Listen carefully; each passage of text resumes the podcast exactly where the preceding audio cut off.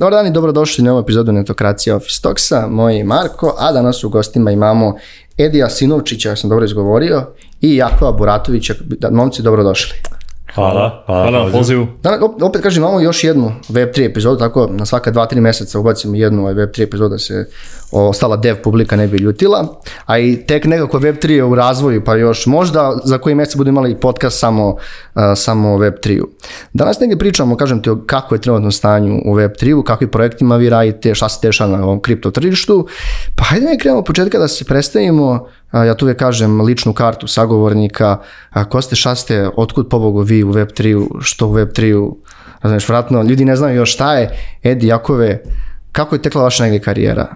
Jeste od početka tu ili ste radili ovaj klasičan SAS dev i to nešto pa, kao mislim, čukali sajtove? Različiti smo malo ja jedi mhm. tako da ajdi, hoćeš ti krenut pa sam ja. Može. U principu, ono, ja sam radio klasičnu javu, znači ono, klasična priča, fakultet, počneš u principu radi full time ovaj, sa strane, jer ono, uh-huh. kao ko na faksu ne radi u principu sa strane. Sajt za 50 Treba... evra i tako to. E, tako, te pa neke pa, sitnice, ono, i, i, malo više, ali dobro. Pa dobro, nema veze, moraš se negdje WordPress te neke stvari, tako. Aha. To, ali u principu, ono, java nekakva Spring i slično klasična korporacija je bila mhm. i 2017. tamo kad sam završio faks otprilike, se otvara nekakva suradnja sa njemačkom firmom zvanom Archain, mhm. To je tad bio znači, ono, boom, e, novo, najnovija stvar ikad i u principu sad dio community je postao, počeo nešto kontributati slično, prebacio se Rai kao dio tog community-a i u jednom trenu je jednostavno nestalo nekih 30 milijuna dolara jer Nestalo 30 dolara. Pa da, ti firmu.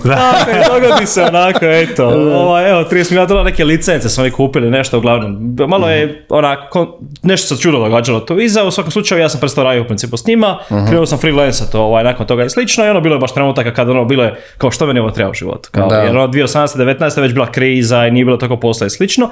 Ali jedna od stvari što se otvorila je u principu suradnja sa Ethereum Foundationom. Aha. Kako su bili kontributori radili na nekim stvarima u principu ovaj, slično jedna od stvari je bilo kao, ajde vi napravite ovo nešto, nekakav taj ZK koji ćemo spominjati u mhm. principu kasnije, kao ajde probajte vi to nešto u principu modificirati i ono, ja sam rekao da, iako ono, nismo znali šta radimo, niti smo znali kako to treba, šta funkcionira i nekako smo to uspjeli u četiri mjeseca u principu prebaciti da funkcionira, koji su bili oduševljeni, nisu znali da uopće to može raditi, ono bile kao... Pogotovo za četiri mjeseca, jeste dali veći deadline pa ste kao uspjeli smo za četiri... Pa nije uopće bilo deadline, nego bilo aj probajte se to uopće može, to je to i bilo je ono za neke ekstra minim pare, ono, znači simbolično čisto za dokaza se, ali opet Ethereum Foundation je Ethereum Foundation. Da, dobra stvar. Tako je, ono, radiš džaba ako treba, to je čisto radi brenda i ono što se u principu mi smo to napravili, oni su zvali nas da to prezentiramo na DevConu u Japanu, Osaki. Opa, ono, ali ja sam morao platiti sve to, tako da... je bilo zadnje pare... Ipak kad te firme to je to, da kad firma pošalja svojim parama. To, ovaj, tako da s te strane u principu to, ali to je otvorilo nekako suradnju u principu s Ethereumom, tada se jako pridružio u principu bija. Kad smo počeli surađivati baš sa Ethereumom u principu malo, malo detaljnije i slično, jer ono, tad nastaje u principu Shard Labs već lagano. uh mhm. Prije sam toga ja freelancao manje više i onda je to postalo sad već ono firma, ljudi, uh-huh. bila ideja kao ok, kao oni su nas pitali kao, aj, kao imate li još pametnih ljudi, a pa dobra ako smo mi pametni, kao pokušat ćemo naći. da. Tako da naćemo. Jako je, kako si ti završio Web 3 Pa malo drugčije, ja sam mlađi od Edija, ali smo studirali na istom fakultetu i tamo negdje, ja mislim, 2016. sam krenuo eksperimentirati s kriptom sam. Mhm. Normalno prvo malo trading, tada ne. Majnuo si nešto, možda nisi. Pa jesam nešto, ali sa običnim svojim računalom. Uglavnom, kako sam tehnički fakultet završavao, krenuo sad tu kopat malu dubinu s te tehničke strane, nešto programirat, smart kontrakt i ovo ono Ethereum, ne. I onda Edi organizirao jednu radionicu na fakultetu, tamo smo se upoznali, vidi on, vidi ovaj tamo momak možda mhm. nešto zna, zanima ga, mhm. a on se mi vidjeti, tako smo jednostavno ono, krenuli raditi, to je bio moj profesionalni znači, put. od početka u Web3, da kažem da, to sam htio reći. Ja nisam prošao onu fazu da sam radio u nekim Web2 firmama, pa se onda prebacivao na Web3, nego sam Web2 radio u sklopu fakulteta i nekakvih projekata koje sam radio za sebe. A profesionalnu kar- karijeru sam krenuo sa Web3. Jel uopšte možemo kažemo Web 2? Pošto to često, ja često pričam Web 2 isto, ali imam oči da neko ko sluša kao kakav Web 2, kakav je, Web 3. Je, ovi snobovi Web 3, ono, kao pa, izmislili pa, internet opet, ono. to je to. Ja sam čuo sad, ja sam čuo i za Web 2 2.5. Ima i 5.0. Uvijek da se pita, za marketing sve prolazi valjda, tako da... da ovaj... E, ah. pomenuo si da ste, ovaj, da ste završili u toj Ethereum fondaciji E, kako je uopšte iskustvo rada sa, e, s tako velikim sistemom? Jeste upoznali ovog, kako se zove, Vitalika ili nešto? Ili se ga pa, bar, dobro, vidjeli ste ga mislim, sigurno. Ono, pričao, pričao sam s njim i ovako bilo je treskanje, kao ono priča ovaj čovjek. Kao, Aha. tresi se i on, treseš se i ti. E, da, ima smisla, tako i djeluje. Da, da. jako ono, imaš osobu koja ovako stoji sa torbicom, ovako ništa i samo jednom počne pričati izlazi iz njega pamet. Tako, da. tako i djeluje, ali on, mislim, kad ono, pogledaš šta je on napisao, taj white paper za Ethereum, to je nerealno. A kad ga pogledaš onako, ga, ne znam, neku konferenciju obučen u pidžamu. Je, sa onom roznom torbicom Ali to, je baš zanimljivo, u ta cijela kultura koja se oko Ethereum u principu razvija i slično. Mislim, mi smo radili u tom Solidity timu ovaj, mhm. na projektu se zove Sourcify da ne ulazimo sad u detalje, u si nekakav infrastrukturni projekt. I jako bi zanimljivo bilo jer smo dosta duboko ulazili, ja mentor je bio u principu co-founder Solidity, što je ono, znači novi jezik, ono, osoba koja ima ono, jako puno znanja i slično i svi su jako prizemni, pomažu i nema tu nekog ono previše ega ili slično, nego je ta nekakva flat e, organizacija i slično, ono, šta ima svoje prednosti i mane, ali je dosta jako zanimljivo u principu bila suradnja, ovaj, dvije godine u principu, ja mislim da to trebalo ne više tu, dobiješ, osim što dobiješ neko znanje, dobiješ dosta kontakata i mogućnost da neke... Apsolutno, to je portfolio, ono, znači kad piše da si radio Ethereum Foundationu, baš puno, puno znači. To je nekad prije bilo kad ovi, ovi, ovi jadni ljudi što... Za, da, da ovam, ovam završio ekonomski i kod nas je to bilo ako radiš ovim, tipa kako se zove, ono, 4P, ove revizorske kompanije i to, mislim, mene to ni, nikad nije zanimalo, bolo me u, da kažem tako. No. Tako da još nisam ljubitelj tih velikih sistema, ali pogotovo tih revizorskih, ajde, ne pričamo sad o njima. E, Pomenuo si malo pre nastavili taj Solidity. koji ne zna, to je program jezik koji se prvenstveno sad koristio za pisanje koda u Web3. Koliko je bilo teško tebi, ti si tek da naučiš taj programski jezik i znaš, ta tranzicija uvijek, ja vrlo volim, volim pitanje koji dođe iz web koliko je teško da jedan deo danas iz vašeg google i kako vidite sad, da neko koja kažem, ajde kažem iz Web2, iz ovog klasičnog interneta, pređe u Web3 s tehničke strane, a koliko je teško jer to mnogo pojmova ima. I pogotovo s neke, znači ono, mm. to je, kako god, to je ne, ogroman ekosistem gdje ti imaš znanje iz DeFi, DeFi milion pojmova. Znači, ono, koliko je generalno teško prebaciti se? Pa, jel razumijem, možda danas u principu učimo i radimo na tome, tako da mislim da je to jedna stvar, ono, kao i sve u životu u principu, ono, uvijek učiš, uvijek napreduješ, jer ogromno je područje, back then u principu je puno manje toolinga bilo, puno je teže bilo, ono nije bilo tipa ni tender, ni neke stvari. To je, e, pa to, da, sam pisao znači, ničega nije bilo. ti pišeš dokumentaciju od početka, nema nigdje da uđeš da pogledaš. E, bila je dokumentacija, kad, dokumentacija je kod, ne, dokumentacije. dokumentacija. Pa to jeste Open source je to je to. Tako da je ono, back then je bilo dosta teže i tipa projekt poput tenderlija i slični su tek kretali, ja mislim, ako tu su negdje oni slični, znači tako neke stvari koje su danas ono, osnovni dio steka koji se koristi, ništa nije postojalo i doslovno je bilo ono, mi smo pisali stvari, ono, Testing nije produkciju. Testing da, production. nije bilo ubaciš u neki ono, test, on ti radi što kaže. Ono, to je to, GPT, generate, uh, NFT. E, A jeste probali malo da si igrate sa Odlična priča. Da, odlična priča. Da. I baš za ovo, za dokumentaciju izgenerira, radi jako dobro. Tako pa, da. Ajde, malo ćemo, što se svičamo, pričamo o tome koji minut. Um, ono, ja vidim ozbiljnu primjenu, ali ono kao ti, da ti automatizuje neke procese. Tako. Možda si pomenuo ti tipa kako se zove za tu dokumentaciju. Da. Znaš, ono kao sad kao zamijenit će, bukvalno neće te zamijeniti, samo ćeš da ga iskoristiš da, da radiš neke stvari. I, dovoljno da ti on izbaci nekakav template, nešto mm čega mhm. ti možeš krenuti, onda ti to malo editaš i ispadne dobro. To je to, tipa za kod nije baš najbolji, ovo što smo testirali u principu ne funkcionira još. Mislim možda četvorka će biti bolja ili da, ja sam vidio da će ono, biti mnogo veća baza na novom update-u. Apsolutno. I kada će se plaćati, ja mislim da to naravno treba pa, platiti. A sve jasno, mislim, ne funkcionira baš ovaj free. Ne možeš ne možeš ne može ni uloguješ normalno. Tako je, ono, sad je ono samo load je. još, još, još, za taj e, chat, e, ovaj, kako se... Mhm, GPT, Da, okay. se kažem, E, kako vidiš da ćeš moći da ga još primeniš? Mm. U smislu, da li će moći da se integrira u neki možda alat web, ono, web 3 ili slično, ili misliš da da... Apsolutno, mislim, pa već postoje drugačije, ono, Google Assistant, nije Google Assistant, nego GitHub e, Copilot. A, da, ok, jeste. Tipa, na primjer, jedan drugačiji način, na slično principu primjena, ono, te neke koje pomoćno, u stvari će vam pomagati, ali mislim da i dalje logiku i neke kreativne stvari nećemo zamijeniti skroz. Ja. Uh-huh. Da, tipa može biti kao per programming asistent gdje uh on s tobom ti daje neke sugestije ili kaže, oprez oprez, naprez ovo ili ono ili čak možda sa user strane one support botove koji su trenutno većinom jako glupi. Jako glupi. On bi mogao da, puno, puno bolje taj posao odrađiva Ja, zamislite situaciju kad ono, za koju godinu timu nešto kucaš i on počne da priča s tobom. Na, na, ja se sjećam da Bio onaj film, onaj, gdje se neko zaljubio svoga robota. Bio je avatara. Da, bio je to, to, to, to, to, Ja se sjećam, jedno pre par godina bili smo presne nekog telefona, ne znam, ne znam, neki ono, Xiaomi, Xiaomi, šta je bilo, ne znam više nija šta. I oni su kao, i mi sad nešto čekamo da se neko kao obrati i ono, znaš, kao onaj iz e, Moćih Rangera, Zeldon, oni se pali na svim mogućim ono, televizor, šta će ovaj televizor u prostoru? Ona samo glava i robot priča, dobar da novi telefon, rekao, ok, ovo je bilo creepy, ali... e, morate doći došli smo do toga da ovaj, od, osnoviš firmu, kao si rekao, nađi neke pametne ljude, ti si našao Jakova i vjerojatno još, par ekipa. Što se onda događa? Kako je nastao Shard Labs? E, što, znači kojim projektima radite, hajde malo pričamo o tome. Može. U principu cijela ideja Sherlabs ono biti bleeding edge, ali primijenjen, znači R&D, ali mm. da su to u principu neke primjenjene stvari. Znači ono, nisu ćemo nove stvari, gledamo što je u principu next frontier, mhm. malo zvuči star trekovski, ali u principu to je neka poanta. Ok, što se koristi za 2-3 godine, gdje mi možemo u principu to create right, da je primijenjen, opet da nije samo neka teorija i mhm. mi smo sad izmislili novu tipu kriptografije i eto, sad smo mi pametili nešto. Nego ono što ima use case-ove koji userima treba i slično i onda discoveramo u principu u tom smjeru. I onda jedna stvar u principu je DeFi, u principu ovaj department koji može jako predstaviti, tako da. Koji sam lab, sam Shard Labs kako je u principu. Da, mhm. znači taj DeFi department je većinom mi ga zovemo EVM team, odnosno tim koji piše Solidity kod većinom. Međutim, za aplikaciju napraviti nije to samo smart kontrakt, nije to Solidity, to ima i ovog Web2 programiranja za mhm. frontend, za ove i one stvari. E, prije nego što je nastao sam tim i prije nego što smo napravili on Polygon koji je mhm. trenutno naš flagship proizvod. Pričat ćemo o isto. da? E, dosta smo mi bili uključeni i kroz neke kraće projekte u, mhm. u druge ekosisteme, sakupili smo dosta znanja i ovog low level protokola, kako različiti protokoli funkcioniraju, a i nekog high level znanja. Um, DeFi je kad bukno 2019. jel? Izgleda kao prije 5 godina. Da, da, e, imam tako ošće. Ja jako mi Za koji ne znaju, to su de, pričamo o decentralizovanim financijama. Tako, tako. tako nas prvi put sluša, nadam se da nema takvih. da, da.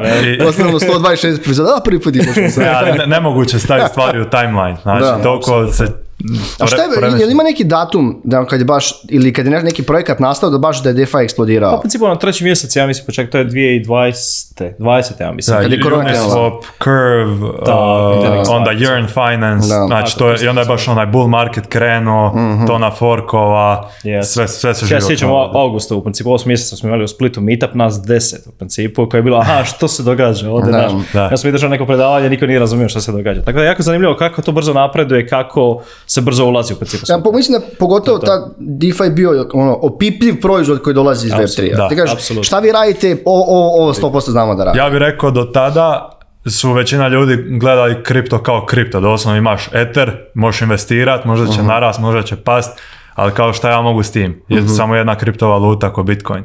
Um, a onda sa ovim DeFi puno se više ljudi navuklo na stvarne aplikacije koje se grade na tom, mhm. na tom decentraliziranom računalu. Mhm. I to je pokrenulo cijeli novi val, ono, inovacije i, i korisnika koji su došli. Je pomenuo si taj ovaj, EVM, e to je Ethereum Virtual Machine. Ajde ukratko nam objasni, možda znam da neke pojmelji koji slušali koji ne znaju šta je tačno to. Znači, virtualna mašina je virtualna mašina, virtualni procesor koji izvodi nekakve funkcije uh softverske. E, razlika je kod Ethereuma što se te funkcije izvršavaju decentralizirano, znači mhm. ne izvršavaju se samo na jednom računalu, nego na više njih. Ethereum virtualna mašina je e, napravljena tako da guta, odnosno uh -huh. žvače to je solidi, Solidity kod mhm. e, koji je Turing Complete, što znači da možemo napisati apsolutno bilo što u njemu. E, ono što se događa kad pišemo pametne ugovore, što imamo nekakve limitacije. Te limitacije su većinom na e, na nekakvoj razini kompleksnosti. Ne smijemo mhm. pisati prekompleksne stvari zato što one zahtijevaju puno E, komputacije, znači puno se nekakvih funkcija treba izvesti na tim računalima i to košta. Jasno. E, e zato da se vratimo na ono mhm. pitanje što si prije postavio, koliko je teško naučiti taj Solidity, uh koliko je teško doći tu, pa sam Solidity nije teško naučiti. Jezik je jednostavan i cijeli taj Ethereum Virtual Machine te forsira da pišeš što jednostavniji kod uh Ali ono što razlikuje dobrog i, i lošeg, odnosno naprednog i početnog programera uh, je to što e, napredni programer zna koje su dobre prakse. Znači, vrlo je važno da, da ne pravimo greške, propuste, pogotovo ako pričamo o nekakvim financijskim proizvodima u da, kojima će potencijalno biti. Par milijardi Da, da. I napredni programeri već eh, koriste nekakve paterne koji su auditani, provjereni, korišteni, a mi ih zovemo juniori, znači junior programeri, oni često ili nisu svjesni toga ili žele inovirat i mhm. onda inoviraju nekim stvarima u kojima ne bi smjeli. I onda dolazi do tih... Ma da sam čuo da vrlo često da ti rješava problem koji ne treba da se riješi. To isto često znaju da Pa, je market fit? Eh, ali dobro. Eh, samo da, da dodano principu na on, usporedba web 2 i web 3 tipa, kad se piše java virtualna mašina ili neke takve stvari, ono kod ne mora biti najbolje razini jer opet postoje više razina u principu protekcije, dok je ono kod koji je na Ethereumu, koji je virtualnoj mašini, može bilo koji napadač u bilo kojem trenu napast. I to je ono, nema, nema firewalla, nema neki tih stvari koje u principu imamo u klasičnom principu nekom developmentu. Public e, access svemu. Da, to jeste bitno. Je ono, da, Mislim, tako decentralizovanosti da ti prave decentralizovanosti, ne ovaj FTX i ovi drugi što su kao kripto da. i da ti možeš da vidiš sve da bude javno, dosto transparentno, na svakom kodu, svakom, na smart kontraktu, ti vidiš šta se dešava i da budeš vlasnik toga. E, mi pominjamo neke izraze koji će verovatno sad, nema, nema ove naše srpsko-hrvatske reči, oni će verovatno biti neki komentar zašto pričate na engleskom, ne postoje te reči. ovaj, e, Pričali smo, ne napomenuli smo da nije teško na, ono, naučiš ali koliko je teško ući i razumeti ceo ovaj ekosistem. Sa ono, znaš, teorijske strane, koliko nekom, koliko, opet to zavisi od osobe do osobe, ali imaš neko prosječno vreme, to neko ono nođe novi mhm. u Shard Labs, da ona, ima neki, kao kaže, neku akademiju da prođe koliko je... Svaki dan sve teže, to da, da sve više od toga. Pa mislim, za developera koji znači, ima Web2 stack i mhm. tehnički čisto mora ući u principu neke stvari, trebamo nekakve tri mjeseca minimum minimuma a onda razumijete ekonomiju iza toga, razumijete? E, e, to, više, su te neke stvari, ekonomske, pa kako, kako šta funkcionira i slično, pogotovo u bull marketu, mhm. znači ono, na dnevnoj razini se novi pet inovacija je bilo i onda mhm. nama je teško pratiti, kamo neko kome je novi, tako da specializiraš se za neke stvari, tipa jako radi DeFi, taj neke više ZK stvari i slično i onda specializiraš se u nekim tim stvarima i timovi koji rade na tome bolje znaju neku domenu od druge domene. I nismo, kad smo pomenuli za šart, e, nismo pomenuli e, generalno, e, ono, jeste po cijelom svijetu, da ćemo na Balkanu, čisto onako malo o samoj kompaniji, u smislu tima i to. Kompanija manje više u Europi, plus minus 3 sati, nije samo Balkan, ovo sam tim u principu od, ne znam, od Nigeri, Alžira i Zagreba. I, Niger je dosta tržište, ono, ogrom crpi lokalni talent i jednostavno to, trebamo se širiti. Jednostavno to je, to je jedna od bila kad idemo remote, jedan od razloga je u principu bila ta, gradimo kulturu remote od početka i da možemo lakše scale i da bolje možemo uh mhm. bolji talent u principu privući slično. I mislim da smo jako zadovoljni s tim. Pogotovo što je nova industrija. Tako, apsolutno, da. talenta, to je to. A i, je zanimljiva. Niger je jako zanimljiva. Da, da, jako je teško naći, ono imali smo dosta failova, ali kad nađeš osobu koja je jako dobra, onda je odlična. Da, da, da. A zanimljivo jako puno inženjera, developera u Nigeri je baš u web 3 Da, ne da, da, dolaze iz, iz Web2 uh-huh. Mhm. kod nas, pa sad ćemo mi učiti Web3, nego ono već su radili na nekim projektima, ima iskustva. ne da se koji broj ljudi koji, ne znam, drže kriptovalute, kad gledaš procentualno, nigeri, je jako veliki procenat. Dobro, oni imaju 240 miliona. O, ovaj, ja sam imao prilike i da pričam i da poznam neke ovaj, ljudi iz Nigerije koji su opet negdje emigrirali iz Europe pa žive ovdje, rade remote, ali e, zaista jako interesantno tržište. Jer e, mislim da nije jeste bili dole. Jeste imali priliku, Nismo, Mi smo trebali da idemo, pa se na kraju nešto pomerilo, pa se e. naravno ovaj, do kraja, godine, ali djelo je dosta zanimljivo. Jer ta količina, znaš, oni zamisli da imaju jedan, nek bude, ne znam, jedan posto radne snage nek radi u IT-u. Ne, apsolutno, to, to je I onda, globalno tržište tipa Web3 manje više plaće su svugdje iste. I ono, Aha. njihov standard dole, oni su ono, ono... Skupo je dosta, ni uopšte jeftino što je, ne. je, Nek sam čuo ono, neke troškove, da, baš sam se iznenadio. Jer imaš mali procenat ljudi koji imaju para i kontrolišu dosta stvari. Da. Kao je valjda još negdje, ali Poznato nam nešto zvuči. da, kad ono. bolje razmislim stvari, to zvuče mali procenat, ima, drži sve, a ne. Ovaj, uh, se si Dravite, znači na Lidu na for, on Polygonu, sad se tako zove, ja sam... Ja sam Lidu Polygon, da, da, da, da, da, Znači, vidim da mi je, još mi Rame pisala sa, ovaj, jer bi ja rekao 100% for. Radili ste, ne znam, sa Nirom, sa još nekim drugim protokolima, kako, kako dođeš do takvih klijenata? Mi, ono, ok, vi e, ste neki, kažem, jeste neki R&D, e, neke svoje proizvode još ono, se vjerojatno razvijaju, ali kad prodaješ neki, neke usluge ili neki kako dođeš tako velikih imena? Je li to ono preporuka, ali ima neki pir za to, pobediš hakatonu? Pa principu, ono, znamo se manje više sve. Pa da, aha. To je stvar, jer, ono, i Nir je krenuo 2018. I, ono, uh i tako neke stvari uski broj ljudi, u principu tipa stotinjak, 150 ljudi koji smo inicijalno imali kao nekakav network se raširilo, u principu svugdje kod on kod raširilo. Uh-huh. I jednostavno reputacija tu, znači imamo reputaciju za delivery, za kvalitetu i slične stvari, ne za mass scale i to je ono u principu što nas razlikuje. I ono, u principu isto sniran, ono, znači ovaj CEO Nira je došao kao, ok, da li vi želite napraviti tako nešto na Balkanu, naravno, to je cijela mhm. ideja bila, tako smo to co-foundali. Ovaj, opet, on Polygon, slična je priča bila, Cera je baš bio u toj priči u principu, ono, ok, kao treba, treba postoji ta nekakva ideja, postoji treba kvalitetan tim koji to može izvesti, jer on Polygon je kak ima godinu i pol dana. Da, tako da. To je ono produkt u principu jako ozbiljan, jako kompleksan i slično. Ali taj, taj, taj nivo što je, po, koje je radio u zadnjih godinu dana na negde globalnoj adaptaciji Web3-a, sa kažem ti government, ali u smislu i sadržanje s tim projektima, zaista nevjerojatan. Apsolutno. Je, ono, ko, ka, gledao sam koji su saradnje imali taj, ono, kažem, business dev svakim čast. Je, yeah, oni to definitivno prednjače u business development, u space su najjači. ne znam da li su to, da li to je ekipa iz Indije i kojim to radi, ali taj, taj nivo to je... Da, Amerikanac ima svega u Da, to izgleda dosta dobro. sad sve više i više imaju Amerikanaca. Nam, da su oni uzeli e, neko ko je bio nešto, da li bio head of uh, e, za gaming u YouTube, YouTube ili tako YouTube, nešto, da im vodi neki jedan deo.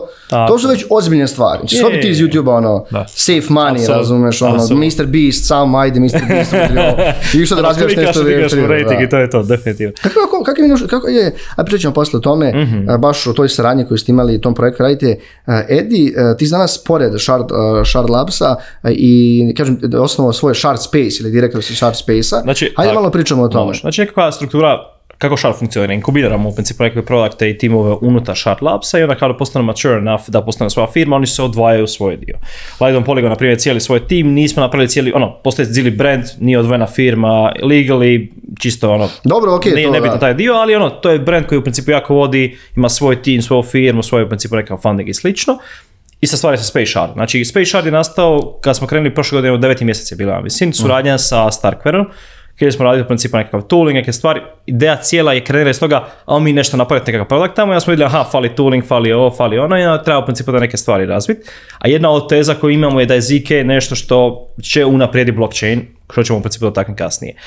Krenuli smo u principu deveti mjesec s njima raditi, i ono, bili su super zadovoljni s nama jer opet, na Balkanu ima dosta kvalitetno tech talent. I to je mhm. jedna od stvari u principu koju, ono, koje smo ponosimo i mi ne samo na Balkanu, ali općenito u principu, da smo uspjeli jako dobre timove složiti i slično i poznati smo po kvaliteti, dobili smo strategic partnership s njima, nice. a ono, je firma u principu od 8 milijardi dolara, onda to ono dosta vrijedi u principu, tako ja smo dosta ponosni oko toga, ja trenutno u principu vodim taj dio koji se bavi ZK stvarima u principu vezanom za Starknet ekosustav. Ja. E, hajde upravo da pričamo o, to, tim uh, ZKP, taj Zero Knowledge Proofu, uh-huh ti negde sam i primetio i na društvenim mrežama i na, ono, da se sve više priča o tome, jako postoji već neko vreme. Ajde yes. objasni nam šta u Web3 uopšte znači taj Zero Knowledge Proof i mhm. ono, recimo par reči o tome. Može. Zivu, vratimo se nazad na Ethereum. Znači Ethereum ono kao jedan chain, sve se nalazi na chainu i slično i transakcije su bile relativno skupe, još uvijek su relativno skupe. Trenutno pričamo samo jedna akcija, znači jedna transakcija košta 2 do 3 dolara. To je taj gas fees. Tako, gas fees, ono kao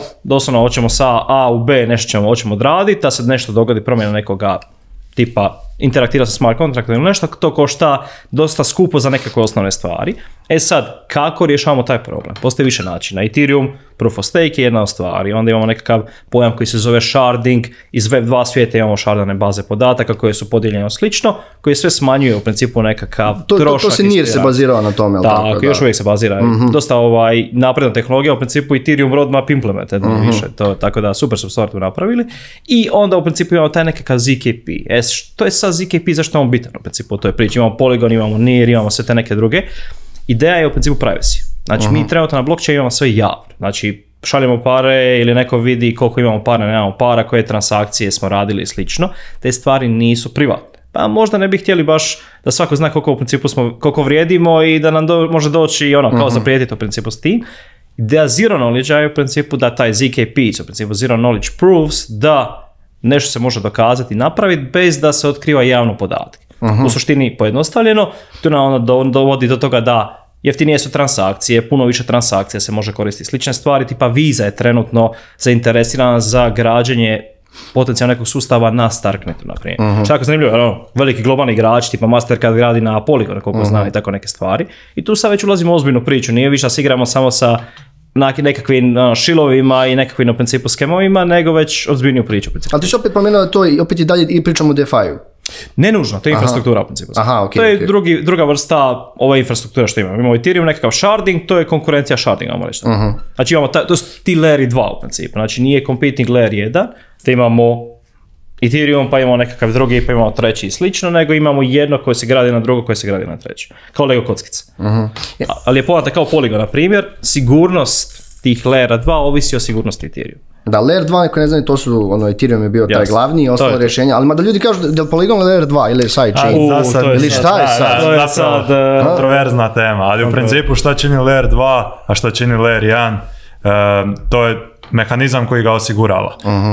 Dokle god Polygon, to je moje mišljenje, mhm. dokle god poligon ima svoj e, set tih validatora u Proof of Stake-u koji osiguravaju Polygon, za mene on ono, sidechain ili layer 1 još jedan. Bez obzira što on posta te svoje checkpointe na Ethereum, znači svoje stanje e, prebacuje na Ethereum, on ima svoju zasebnu sigurnost i mhm. ne ovisi o Ethereumu direktno.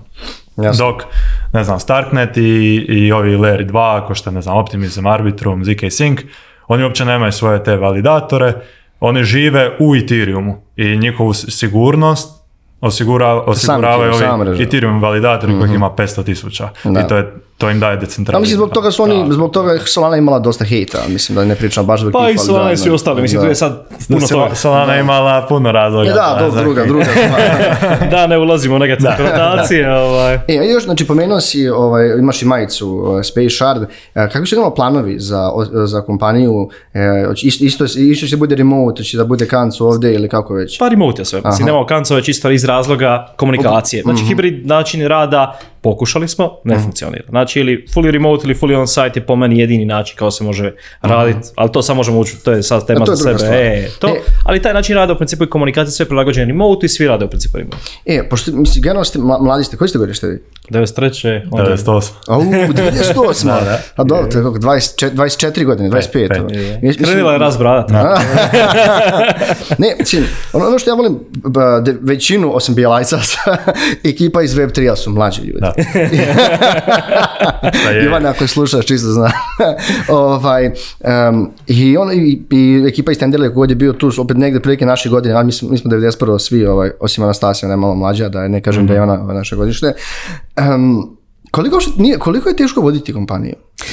Pa, ja, mi uvijek pričamo kao, e, naš Balkan ima taj nasleđe, kažem, legacy jako dobrih tehničkih, mašinskih, inženjerskih fakulteta. Apsolutno. Ali nama uvek gdje je falilo jeste taj, ne kažem, neću kažem menedžerski kadar, ali kadar koji zna da vodi, plus da vi imate, da imate i tehničke sposobnosti. Koliko je te teško voditi tim? Pa ono, naučiš tokom, tokom, tokom vremena. Mi ja smo neki pokušaja ovaj, hajranje izvanka nekih e, znači, korporativnih ljudi slično da nam to dođu skilati. Slično je drugačija kultura jednostavno. Da, I space je prebrz. Ne funkcionira ono što najbolje vidimo, u principu inkubiramo ljude iznutra mhm. i onda oni napreduju u principu lagano i to je najbolji pokazatelj. Evo ovi šardovi su nastali u principu, ako isto krenuo kao inženjer, sad vodi tim, vodi u principu i biznis stranu toga i slično. Tako da ono, Bacanje u vatru u principu. Tako, ovaj, koliko znači... si tebi jako ovaj, to ste pa, posao promijenio na dnevnom nivou kad oh, si... Znači, za 180 skroz se promijenio. Je li ti isto programiraš, programiraš 20 pošto, kaže, pošto kaže Elon, mora svaki menadžer da programira ne, 20 Ne, ne. ja to da pitam ljudi.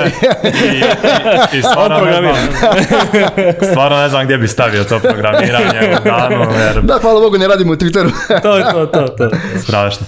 Ali da, promijenilo se skroz, mislim, i, i to nije u toliko to se nije tako davno promijenilo, ali kažem, u vrijeme je relativan pojam okay. skroz. Vi tu, ti si već veteran blockchaina. ne sjede još dobro.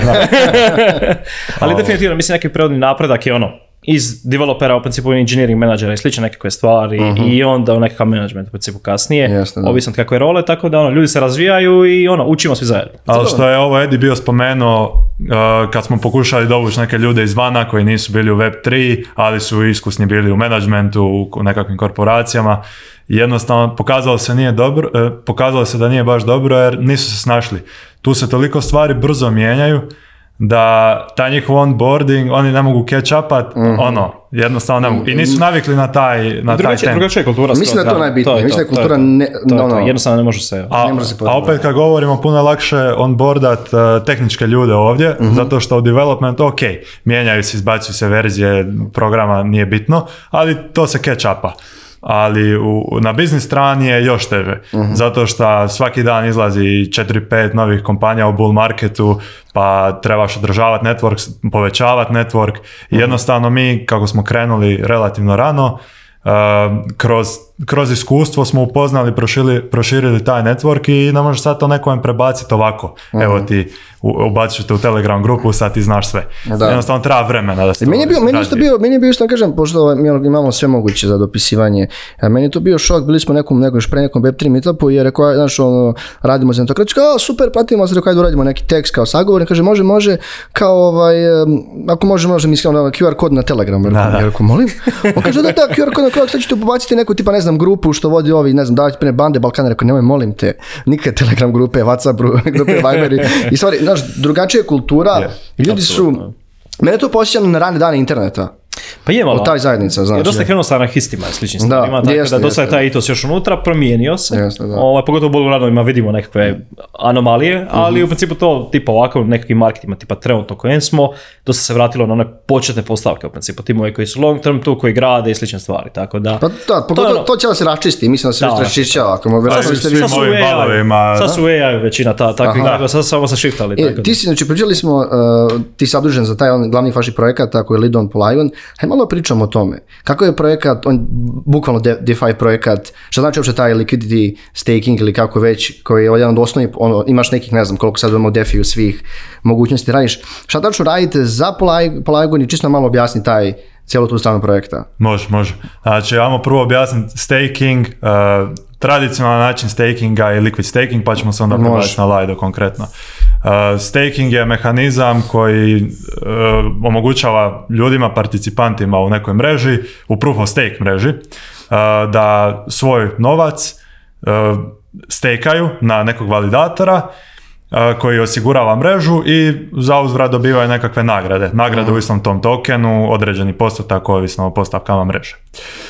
U tradicionalnom stakingu, kada to korisnik napravi, on zaključa svoje tokene mhm. i dobiva nagradu, ali ako želi povući nazad svoje tokene, ne znam, razmijeniti ih, koristiti ih kao kolateral Za nešto drugo, da. za nešto drugo. Primjerice na Ethereumu to nije ni moguće jer withdrawalsi nisu omogućeni, ali recimo ako pričamo o poligonu moguće, samo treba čekat 80 tih checkpointa šta je nekakvih 2 do 3 dana trenutno. I nije to baš zgodno. Znači mhm. moraš doslovno birati da li želiš imati utility token, da li ga želiš koristiti ili želiš osiguravati mrežu, decentralizirati i dobivati rewardove za to. E, ono što liquid staking omogućava je da mi stakamo naše tokene, za uzvrat dobijemo drugi token mhm. koji reprezentira naš stake. I taj token ima vrijednost kao i ovaj. Znači on je bekan s njim. I taj token mi možemo raditi s njim što god hoćemo. Možemo ga prodat, možemo ga koristiti kao kolateral, ali cijelo vrijeme dobivamo rewardove za, uh za mhm. to.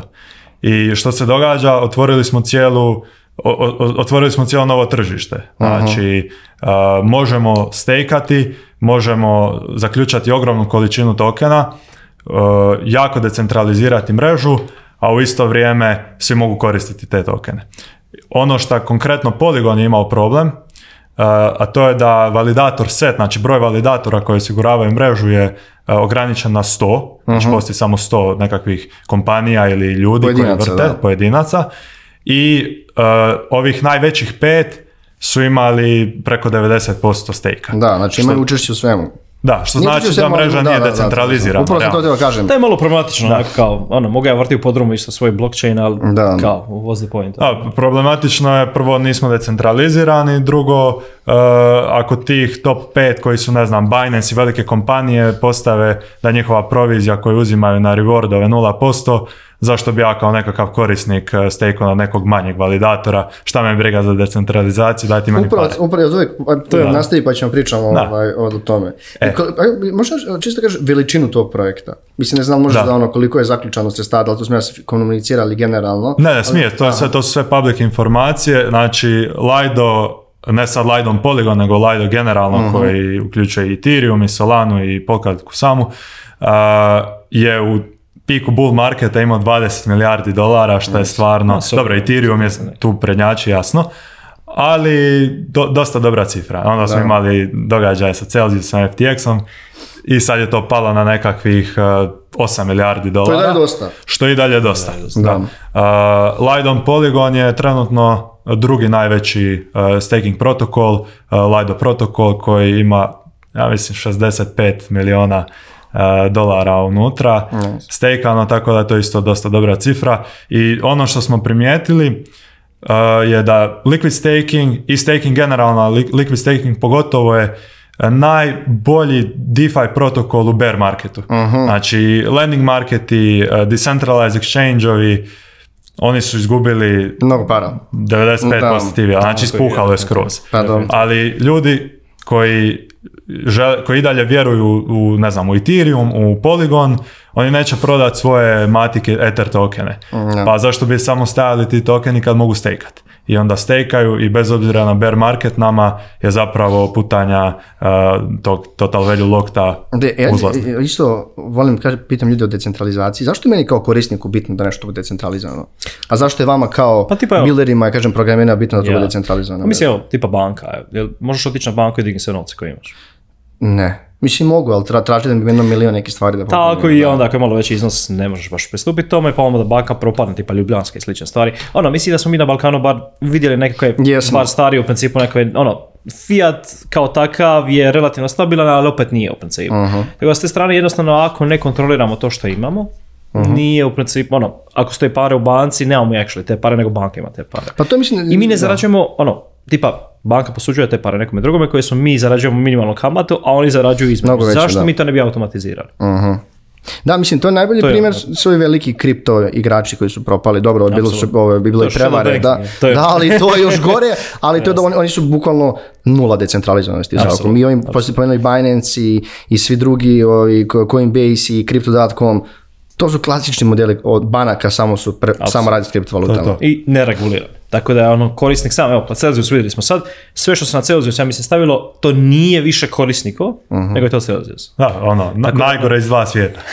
šta mislite da je pošlo loše u tim, ajde u FTX-u, ali generalno, šta mislite da je pošlo, ali to loš, ono, loše vođenje kompanije ili... Pa evo, FTX, mislim, tu je sve. Znači, smo, smo, onako, kombinacija valjda droge i ono... A i greed nekakav, pošto nije regulirano, imaju slobodu i onda se zanesu s nekakvim manjim ciframa. Meni, meni je samo i taj cijela priča nevratna da koliko možeš da kupiš sve, jer ne od, političara, biznismena, do nepoznatih ličnosti, svi su oni bili, kako znam, njihovi advokati ili ono kao... On, zbog čega oni nisu kad ne, kad no kad izašlo a, koriste računovodstvo za male firme onda nema računovodstva potpisuje se za evo ti, ja ti prebacujem na ime znači ono sem potpisuje sem i, i šalje sam sebi toliko para i i niko, ni, niko se nije zapitao e što se dešava s ovim dok na kraju nije puklo a mislim kako funkcionira Fiat sustav pa i to i slično, tako da sve manje više... Sad, da, ne ulazimo u je zavjere, ali mislim da samo prekopiram Fiat sustav koji ono, razlika je ako neka firma pukne u, uh klasičnom reguliranom sustavu, onda imamo bailout u principu. E, I to je ono što falilo u principu. Da, što negdje malo je ovaj deo ove projekte mhm. koji radite i e, te bitne stvari. E, Hajde malo pričamo, krenuli smo se u, web, u 3 protokolima, sad moje pitanje je li Elon Musk ovaj Satoshi, Satoshi Nakamoto? Ovo nije bilo ovdje, ali palo na pamet, pošto pričalo se na Možda, možda. Ovaj, ono. ne, a ja pričamo o protokolima, pošto je tu koliko je Ethereum dominantan, pogotovo sad sa ovim mrđom koji su imali, i da li vidite šansu za neke druge da dostignu bar no, ne taj nivo ali da budu toliko jaki. Dobro, samo ne, ne pričamo o Solani, oni su. Ma mm. nema, ma i Solana uključiš. Mislim, on, Solana na svoj način način rješava, ali u principu se vrati na tipa centralizirana exchange. Mhm. Zašto oni uopće postoje? Jer blockchain trenutno nije dovoljno brzi, nije dovoljno dobar za sve korisnike koji ga žele koristiti. I jedna stvar je u principu tehnologija se mora razviti da bi došli do razine u principu da se to može koristiti, da nemamo te shortcut u principu, uh tako nazva. E sad, Ethereum definitivno je jedini product market fit, koristi se i u bear marketu, dan danas u principu on, blockchain je pun i ona plaća se transakcije i slično. I ovi optimistic roll-upi, ZK roll-upi, ove layer 2 stvari koje se grade na Ethereumu, koriste ga i on polako prelazi u nekakav settlement layer, ajmo to tako nazvati, Neka, nekakav globalan Swift ili whatever. To, to. Tako, u tom smjeru u principu on će sigurno imati product market fit, ovi neki drugi blockchaini pa vidimo da je dosta volumena i ono, toga je bilo fake, je, što jeste, se u principu transakcije i svega i onda je to malo sad upitno koliko od tih stvari actually on, ima user u principu. Tako. Da, ono što se događalo u bull marketu, je da su samo iskakali novi chainovi, evo sad mhm. ovaj network, evo onaj network, međusobno su se kompirali protokoli i šta su ljudi radili, ti useri koji su dolazili, to nisu bili oni pravi useri koji će ostati, to su bili useri koji su samo vidjeli u tom trenutku prigodu jer su vidjeli nekakve tamo povrate za investiciju, brzo su briđali e, asete sa jednog chaina na drugi chain, tamo su pokupili nagrade, kad se na trećem chainu pojavile veće nagrade, ajmo tamo. Mhm. I ono, chain hopperi, samo s jednog drugog trećeg. Ono. Da, da, što se, hopperi, aha, e, sad dogodilo? da, e, što se sad dogodilo? Na tim chainovima nema nikakvih više povrata, mhm. na Ethereumu još uvijek imamo nekakve, čak i da nemamo, svi i dalje znaju, mislim, ne svi, ima puno tih degena koji ne gleda nikakvu sigurnost, decentralizaciju, ali ovi koji ostaju znaju da, da su njihovi aseti najsigurniji na Ethereumu i ako su povrati slični na nekom tamo random chainu i na Ethereumu, pa radije ću ja držati svoje novce na Ethereumu da mi ne bi otišao. Ali da je merge urađen kako treba, zadovoljni? Ha, kontroverzna topik. Mislim, da, to smo dosta čekalo, a? Radili smo u principu Foundation i vidjeli smo kao to funkcionira proces. Ovaj. Poanta, ono, dosta strana je uključeno to je slično i ovaj, neki procesi možda nisu baš najtransparentni koji bi mhm. trebali biti, ali s druge strane ono, dosta inkluziv, ono, različite u principu inputa i slično, što znači da puno vremena treba. Ja. Mhm. je Centralizacija možda efikasnija u nekim stvarima, ali opet single point of failure, decision maker u principu koji može to usmjeriti u jednom ili drugom smjeru, kod decentralizacije se čuva nekakav status quo i lagano se promjene implementiraju. Mhm. Jer Ethereum mora biti siguran u principu i mora raditi, ono, to je njegova poanta sad, pogotovo sa ovim Layer 2 i sličnim novim u principu product market fitom, on se ne mora sam po sebi tokom kad je outsourca taj rizik na mhm. Layer 2 koji, koji se kompitaju međusobno. E, a, pošto sad trenutno, sad ono, svi vidimo kako je kripto tržište, kako, kako vidite sad ovu situaciju, kako će, će da traje ovaj, o, o situaciji na tržištu, kada očekujemo neke oporavak, generalno neke vaše, i, i da li očekujete da još neki veliki igrač potone? Ha, ko, ko još može potoniti? A može Binance, ako Binance potone, to, nije, ne, dobro. I šta se desi onda? Pa mislim ništa, opora, mislim je on, on postaje takav kao takav, tako da eventualno nekakvi BNB chainovi ili whatever uh mhm. -huh. će propast potencijalno. Mhm. Ovaj, iskreno mislim da taj sex dio, ok, je neka bridge temporary, a dugoročno i Coinbase i Binance i slično, oni svi rade na taj self-custodial nekom dijelu i principu vide u budućnost. Tako da, dugoročno, najveći problem imamo sa user experienceom, to je, to, to ne postoji. Katastrofalan. Da, to, ne znači, postoji, onako, da. Ono, ja pokušavam majice svoje, majka mi je benchmark, ono, ako ona ne može koristiti ono, ako pa ima, banka da se čak zove ono znači. grandma test, ako grandma, može. Aha, jeste, to, to, to, ne, zove se mamin test. I, da, ima na knjiga mamin test za startup, to je to, to ti da, to je zbog toga, da. E, to je ta priča, mislim nismo još na toj razini. Još mhm. radimo infrastrukturu nekakve osnove interneta i slično kao što smo imali osnove interneta, to će treba vremena. Ali kad se to dogodi, što naša, naš bet je u principu da će se dogoditi sa ZK stvarima, mhm. jer to je onaj privacy, to je onaj u principu scale koji, koji će omogućiti to, onda možemo graditi na UX-u i sličnim stvarima, tako da, da ono, nema više ceksove koji su ovako traste kao FTX, di novci samo mogu nestati slično. Da. A, da. se razvija, ali Da, ja sam mislim neki NFT dao, pogotovo, baš se pričalo o tome, kao Aha. next znači ima, imaš te neke, bar ako mi sa strane gledamo, znači kad pričalo se o DeFi mnogo, onda NFT je pokušao da ima tu neku masovnu adaptaciju, jer se svi, znači, e, bilo je zanimljivo dok je trajalo, da su svi ovi influenceri, glumci, ja imam, ne znam, ona, Gary Vee i ostali smarači, mm hoće se vrate, ili će da i ta tehnologija da se iskoristi za nešto drugo? Pa mislim iteracija, tipa ICO 2017, ono, ja se sjećam, Jesus Coin je bio, mislim. Jeste, ja, ja tad ta, svi ti svi živi, svi ICO, sve je ICO ono, i onako, mislim, neke od tih stvari u principu su nastali, ono što je posljedica toga je DeFi u principu. Mhm. Znači neki timovi koji su stvarno razili pare, nisu skemali, mhm. nego su nešto nešto napravili i posljedica tih nekih stvari je DeFi i NFT sama i slične stvari. Tako da, ovo što je bilo sa NFT-evima je vjerojatno samo prvi step, ali jako, jako je zanimljivo u principu da ovaj marketing koji se za NFT je dobije kroz to i korporacije i neki obični ljudi su u principu dobili dotice s tim. Naravno, dosta, njih je skemano. Dosta, dosta, da. Ali kao i sa ICO Babylon, ono, većina je propala, ali oni koji su uspjeli u principu su bili osnovica za u principu sljedeći a, da, da li misli da je to, to, te eksplodiralo i, i kripto i NFT, što je bilo previše para koje je došlo sa strane, jer onda još vidio si da su ovi A, A16 i drugi fondovi, to su nerealne sume para koje su investirane u Web3, to ti je ono kao, e, bio višak para, ajde uložimo se u Web3 kripto, to su vratno nove projekte i firme. Zato što da njih 15 godina je, novci su besplatni. Recimo. Pa da, pa da, upravo to. Je to, to, to, imamo posljedice sa ovoga svega, ali ono, novci su bili besplatni, novci se moraju plasirati i onda ono, u principu kazino ubaciš i to je to. E, ali, evo, jako je, uh, pričamo o DAO, način organizovanja Uh, kompanije i tima, da li ima perspektivu ili ne. Pošto pa se razim ljudima, svako ima neko svoje mišljenje, neko kao pa to je kao top, pa ali to je, i uopšte nije lako. Ne, o, Uopšte nije lako. Znači, ja bih rekao dao trenutno je možda djelomično decentraliziran, autonoma nije uopće. Nema šanse. Znači nula. Definitivno. Daleko od toga.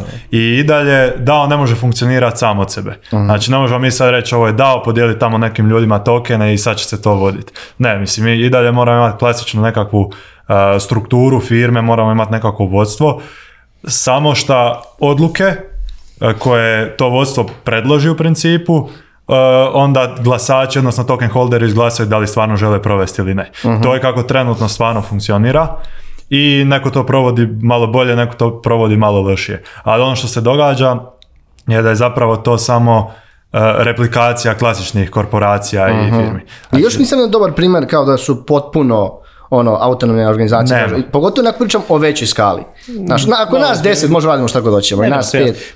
Šta je stvarno veći problem? Previše teh talenta i ono, founderi su manje više tek fokus i onda ne razume sve ostale stvari. to, je kompleksno svega ostalo, financija ovoga onoga, gdje su ljudi koji razume te stvari. Da, Mislim, ono, cijela priča sa rezanjem, ono, radimo ipo na mhm. ideju produkta, dakle, to što se došlo događalo prošle godine i onda se mhm. napravi DAO iz toga i mhm. token holderi bi trebali dugoročno razumjeti u principu što, što su uložili. Šta je dosta specifičan market i možda je onako, dosta je radikalna u principu ideja, ali mislim da ima definitivno budućnost za, za, za kasnije, za razvoj.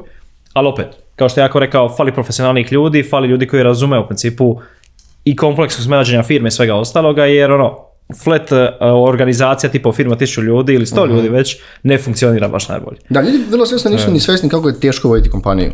Absolutno. I, i teško Koliko je tu shades of grey u principu između. Znači ti ono, pogotovo kad si ono manji tim i ti, on, ne, tu nema office menadžera, tu nema i čara, vrlo često nema ni nekog ko pušta fakture. Znači onda kako ti kreneš, zapošljavaš teš ljude i ti kao moraš radiš sve te stvari, a moraš i da brineš ono da li ima plate, da li imaš ovo, kako projekti funkcionišu. Nije tako jednostavno kao što ljudi misle. Ne, apsolutno, ali zgodan stvar, jer prođeš sa neke stvari koje pravno kad bi u principu prošao. Jeste, to je tačno. To je to. Pogotovo ti da. 98 imaš još za pet godina. možda vodiš šta god hoćeš. Dajte mu Twitter da vodi. Možda to, to, da... to je to. to, A, dobro. E, I, i, i prošlo pri kraju, uh, prethodne godine, po, pogotovo 2020. ekspanzija ljudi koja je prešla u Web3 je bila nevjerovatna. I migracija koju smo videli, migraciju talenta kao na lokalu, kao i na globalu je zaista mnogo, mnogo više ljudi je prošlo nego smo očekivali. Kako vidite kao dalji način da se razvija Web3 i kako vidite da će, ta, da će desiti ta veća migracija? Kako da privučemo nove talente? Pa mislim, kvalitetni projektima. To, je, to je mhm. stvarno ono, dugoročni projekt, dugoročna priča. Pa mislim, evo opet pričamo o, partnerima tipa Starka koji vrijedi 8 milijardi, opet ZK Sync, Polygon, ono, to, to su Kako se došao, kako se došao, došao sa s njima? Iskreno na konferenciji, ono, pričali smo s njima i je, ćemo nešto vidjeti, samo raditi nešto i to je to, ja smo se organizirali koli, to je to. Dosta to ide jer ono, imamo dobru reputaciju i ne moramo zakazivati u principu, to je nekoj priči. E, to je dosta ono, partnerski, a njima treba neko ko vidi dugoročnu viziju slično i ko ima, o, ono, mhm. reputacija sve u principu. Ono, I, kad jednostavno proučavamo nekakav projekt ili ekosistem, E, imamo dovoljno iskustva da prepoznamo šta njima nedostaje. I onda ako mi njima priđemo, vidite, ono, radili smo to i to, e, fali vam ovaj dio, njima je to logično i, i slože se onda, aha, ovi, ovi nešto znaju, kao ajmo vidjeti, možda možemo e, a koliko je bitan taj research? a kad učiš nekom, ja, pošto se non stop pavljuju e. stvari, on imate neku osobu baš daktedu kojoj samo radi ris, aha. Ne. radi sam. samo, ono, radi radi ono, ono, opet po domene, u principu specializacije nekako imamo i slično. Uh-huh. Ima neka zajednička R&D, ovaj, ono, department i kolove i slično, gdje, gdje pričamo o nekim idejama i sličnim stvarima. Da, zašto je baš ova ekipa iz MVP, oni su bukvalno napravili cijelo jedno, da kažem, odeljenje ili kažem firmu koja radi samo research. Što dobro šta, šta nama ideja u principu, da imamo neku inkubaciju od godine dana minimum u principu. Vokataš okay. i vašeg šarda da kažem. Tako, inkubacija okay. šarda, to je space prije, mm. godinu i okay, par mjeseci, dva, tri mjeseca u principu je, je nekakva putanja bila, od nečega što je bila ideja. To kao venture builder, da kažemo to tako, je venture kompanija. Tako, da. to je venture builder. I ona, management u principu onda preuzme neka osoba to, ili ona se ljudi razvijaju, ali opet staju firme male. I to je poanta priče, da ne skilamo previše, mhm. jer možemo, posla ima previše, ali nije ideja u principu da narastemo, ne znam, 200-300 ljudi da smo outsourcing agencija, Jasno. što su nažalost u principu većina, nego da ok, imamo ok, ovo je u principu fokus, aha, tipa ja preuzimam taj dio i vodim ga i u principu skelam kako ja mislim da treba i slično. Ako se dogodi da neki je neuspio projekt ili slično, ima posla za, ljude da, da ih možemo jasno, jasno, vratiš u matiču u firmu kažem da, ali ono da. ideja je fokusiranje timovi na tu principu problematiku i mali timovi koji su funkcionalni. A koliko sad ljudi imaš u timu zvanično? Pa mislim da je zajedno oko 30-ak, a sa vanjskim oko 50-ak ljudi. Da pričamo samo o Sharspace-u ili o cijelom? Kao svim u principu Sharp. Da, da, ok, ok, to, je, dosta ljudi, pogotovo pa onako, to je to, ono, mislim, koliko ima potencijala. Ovaj, pa dobro, ali znaš kako, ja, ja sam, ono. mi smo uvijek pre, gradili netokraciju, uvijek je bilo neko održiv razvoj. I to ono, to je to ta neka država, ono, ako budeš profitabilnost, znači ono, vrlo često ne treba samo da gađaš neko, neke nove projekte, ne, nešto. Mislim, ne može da izdeliveruješ sve na kraju kraja. Treba stati malo na loptu šta pa, ima upravo to, da. I, i nema, potrebe u principu za tim. Da. To je Da. Jer ove dugoročne stvari u principu ono, dosta su isplative u krajnjoj uh-huh. liniji, tako da nema potrebe za haharenje, kako ja to zovem, uh-huh. što naše firme rade najčešće. Da. Uzimaju sve i rade sve, tako da. Ma pa to je, mislim, to je, to je, da li u Hrvatskoj, i Srbiji, to je identično, znači nema tu puno velikih razlika. Mentalitet dalje, dosta sličan. Ne, to nije realno koliko dosta sličan, to šta god mi mislili, kao ne, oni su ovakvi, ne, bukvalno isti mentalitet, ali ajde, samo što svi bolji u futbalu, moram priznam. ovaj... Koliko para ide u to. e, prič, ste kulturu i, mm. i o toj zajednici. Ja možda nisam ovdje highlight u pitanjima koliko je jaka Web3 zajednica na Balkanu i koliko su bitni, pošto evo sad idete na konferenciju e, u Tel Aviv, E, vjerojatno će epizoda biti poslije toga. mm Koliko su bitni ti ono, događaj, upoznanje, taj networking, koliko je bitan? Ključni su. Najbitnije, da. Najbitnije, aha. Su, definitivno. Mislim, ništa ne mijenja face to face. Ono, aha. osobne konekcije, slične nekakve stvari, ono, ok, možemo mi pričati o poslu i sličnim stvarima, ali ono za neke dugoročnije suradnje i slično. Ono, kako možemo najviše doprinijeti je kada uđeš u principu vidiš kako organizacija funkcionira, koji su naši strengthovi i gdje mi možemo u principu najviše pomoći. I, to, se, to se vidi kroz u principu ono, konekcije s njima uživo i ono pričanje i slično, dosta transparentno, tipa Starkware je izraelska firma i mhm. meni se sviđa dosta ta kultura koja je direktna, ali nije toksična. Mhm. Ovaj, šta, ako Eastern European znaju biti malo toksični, toksični, tipa Amerikanci, opet s druge strane, ono, spektar na drugu stranu, kope nije dobar, nekako izraelska kultura je ta direktna i outcome driven, šta je, šta je u principu da, dosta... na rezultate su dosta... ovaj... to je to je zero bullshit između ono, mhm. Mislim, jedna stvar je kako mi imamo implementirano, kao imate cilj, kako dođemo do tog cilja, koji su blokeri, kao se ti blokeri rješavaju, sad i te neke stvari, nisu bitne, osim za planiranje, mhm. planira se slično, ali nije to nešto, ako se breaka nešto, ako se dođe do cilja, skroz je okej. Okay. Mhm, da, Tako da, outcome driven u principu priča. koliko kad pogledaš vremena ste na putu? Pa, da, prošla godina je baš bila ono jako, jako, jako naporna. ima neki događaj koji je baš ostao, onako, baš je bilo, baš je bilo dobro? Od organizacije programa i ostalih stvari. Box Split. A, super, je, vidio sam slike, bilo jako lepo. Je, mala konfa, super, to da. smo sve organizirali, ali od globalnih, šta je stvar, globalne velike konferencije, što je više ljudi, pa 10-15 ljudi dođe, networking ne bude tako kvalitetan. Da, to je to, to je sigurno tako. I onda da. imamo nekakve ono, side eventove i slično gdje se organizira nekakve stvari, targetamo u principu ko dolazi i onda vidimo u principu suradnje koje mm potencijalno možemo to napraviti. I puno je, da, je developerskih konferencija šta imaju smog, smisla i svega skupa, mhm. ali za nekakav networking i za E, potencijalne suradnje nisu idealne. E, iz nekakvih protokola projekata koje želimo targetat kojima želimo prići, želimo pričati direktno sa nekakvim biznis ljudima u tom slučaju. Tako da ja bi rekao uh, pretprošle godine Pariz, ETHCC da je bio dosta, dosta, dosta dobar što se toga tiče. E. I Devcon ove godine Da, da, To je bilo u Kolumbiji. Kolumbiji. je bilo u Kolumbiji? Pa. Kažu, bili su ljudi, kažu, bilo dosta lijepo. Šta, možemo služiti? ne, znam se, bila je super konferencija, baš je bila dosta... To je bilo u Bogoti, jel tako? Da. Ali čuo da dođe su ljudi išli u medaljin isto tamo, da su oduševili. Morali smo i... A morali ste vi ste e, išli. E, e, poslovno, poslovno, da, da, da, da. E, meni od tih konferencija, kad sad kad su postali dio Infobipa, glavna stvar je što imamo mogućnost da ono, idemo da počnemo neke konferencije i taj nivo prvenstveno Amerikanaca, koliko su otvoreni za komunikaciju. Mm-hmm. Znači, mm. uđem u sobu, Uđemo u prostoriju, čao, a nisam uzu piće, kao, ko si, šta si, šta radiš. Znači, ono, to kod nas na Balkanu nije bilo tako. Mi Kultura, da, nas četvoro se znamo, dođemo i sedimo, pričamo između sebe, ne, čao, čao, čao, čao, idi upoznaj se, pričaj.